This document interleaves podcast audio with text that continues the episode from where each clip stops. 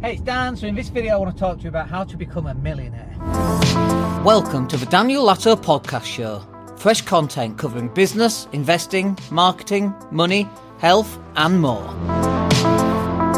Hey, it's Dan. Hope you're well. So, let's talk about being a millionaire, millionaire status, and kind of what that means.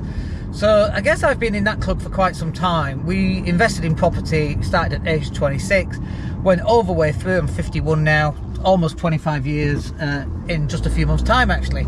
And we have bought an awful lot of property. We've also sold some.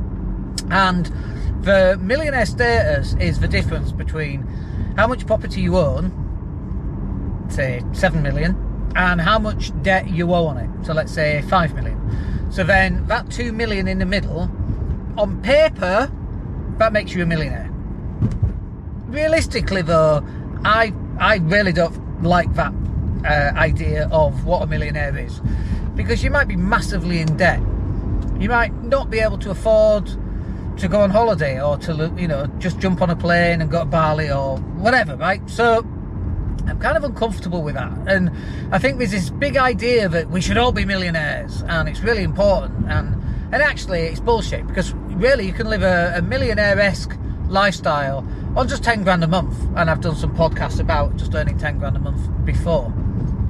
So, where does this come from? And also, you know, going back 20 years, a millionaire was worth a lot more than it is today. Like, is a million even enough? Um, probably not. You know, if you got, if you've got a million pounds sat in the bank and you're getting six percent, that's only 60 grand a year. What does 60 grand a year get you in um, the UK right now? Not that much, you know. So it's not millionaire status that I think that you should be going for. I think it's having the uh, freedom that being a millionaire gives you. And you can only have that freedom if you're cutting your costs back. So if you've got a million pound in a bank, yeah, you're a millionaire, and it's making you 60 grand a year, let's say, 6% interest, it won't be in a bank, it'll be in some investment fund of some kind, a FTSE 100 or whatever, an ISA or a pension or whatever that happens to be.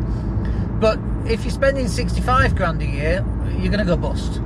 So, yeah, you might be a millionaire, but you're overspending. And, you know, Floyd Mayweather has been a millionaire several times over, spent it all, lost it all, became a millionaire again, spent it all, lost it all. And a lot of professional athletes go through this because they think that the money that they're going to make at the peak of their career is going to last a long, long time, and it just doesn't. But how do you even get to the stage where you've got a million pounds worth of equity? And I think that's an important consideration that we should really talk about.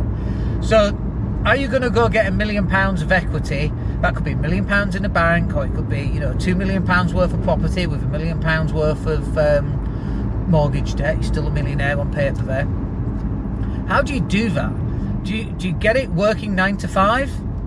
How much an hour do you think you need to earn over how many years? And then what are you're going to do? Save for 30 years? Everything that you earn, except a small amount to live on? Like, that's not life. That's not living. So for me, the way that we did it was we bought assets that generate cash flow, property. And the reason why we have businesses is because those businesses generate cash flow as well to go out and buy more assets. Then you have to let nature take its course. And nature taking its course is these ups and downs of the market that, yeah, they go up and down, but over a long enough period of time, will uh, increase over a period of time. And I pause there because uh, I just got back from Billionaire Bootcamp in uh, in Bali, and uh, one of the things we were talking about was Warren Buffett, and what he says is you want uh, really wet snow and a really long ramp. That's how you're going to get a really big snowball. So the really wet snow is the cash flow. The really long ramp is the amount of time that you're generating this cash flow, and the big snowball at the end is a million pound in a bank that then generates more cash, yet more really wet snow, and over a longer period of time, instead of 10 years, 20 or 30 years. Um, and so that's again, you know, it's kind of a snake eating its own tail. It feeds upon itself, and that's where you need to be as well. You need to have a method of generating maximum amount of income whilst keeping your costs as low as possible while investing the difference between what you earn and what you save uh, sorry what you earn and what you spend. That difference there that difference right there should be going into an asset. It could be crypto maybe. It's kind of like guessing if you like. It could be property. Uh, you know, property prices will go up over the average over a period of time. Inflation is built into the system. You have uh, some uncertainty with interest rates, especially recently, where they've gone up 14 times in a row. Um, but it could be ISAs, FTSE 100. You could be investing everything into Apple stock or Coca-Cola stock or Facebook or Tesla, whatever that's going to be. Some differences between those stocks, by the way, are things like Tesla, like a lot of tech companies, either don't pay a dividend or pay a very small dividend. Microsoft, for example, Apple pay a very small dividend, but their stock price goes up and up and up, and then we split it and it goes up again, then we split it, it goes up again. That's what Tesla did. I bought Tesla uh, uh, at like, I think $200 a share and it's been split a couple of times since we bought that, and obviously the shares have, have done pretty well, right? So, so again, that's the really wet snow over a long period of time, uh, and you end up with a really big snowball. This is how you get to being a millionaire status. If you're currently exchanging your time for money, let's say you're a delivery driver. And by the way, nothing wrong with being a delivery driver.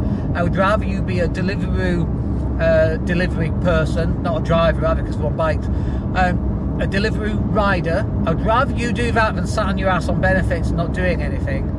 And I would also rather that you get educated in something, allocate the time for more education, and start a, a business that's going to generate some more side hustle. And that money should be used for buying property. For me, it was property. It doesn't have to be property, but buying an asset where the asset's going to go up in value. You have to do it. You're not going to do this by being in a job, yeah, you could earn a hundred grand a year. But the problems with earning a hundred grand a year in a job is that then you need the nice car, then you need the nice house, then you need the nice clothes, and it's bullshit, really. It is bullshit. And that's not how it's going to work. So you've got to put yourself into a position where you can generate a lot of cash.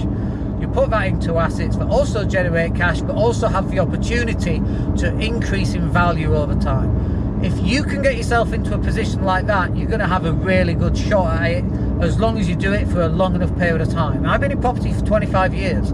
That's a long enough amount of time, and it has its ups and downs. And right now we're going through a down because it's a pain in the ass, quite frankly. Maybe it's because I live so far away. Maybe it's because I don't trust letting agents, which I don't. Could be all sorts of reasons, right?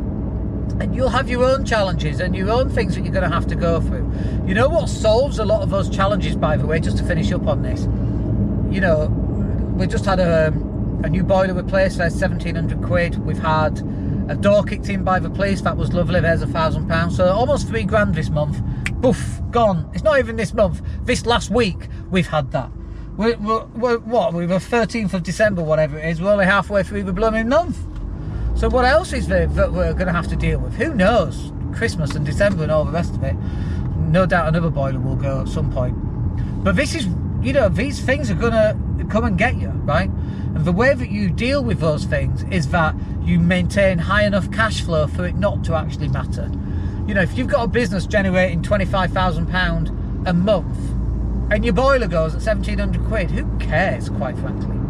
Uh, because you've got enough income to cover any of these expenses that are going to happen, and they will happen, by the way. Um, they will happen. So, look, I hope you find that useful. I'm just coming up to my destination now, uh, but we'll catch up with you on the next one. Have a wicked day. Take care.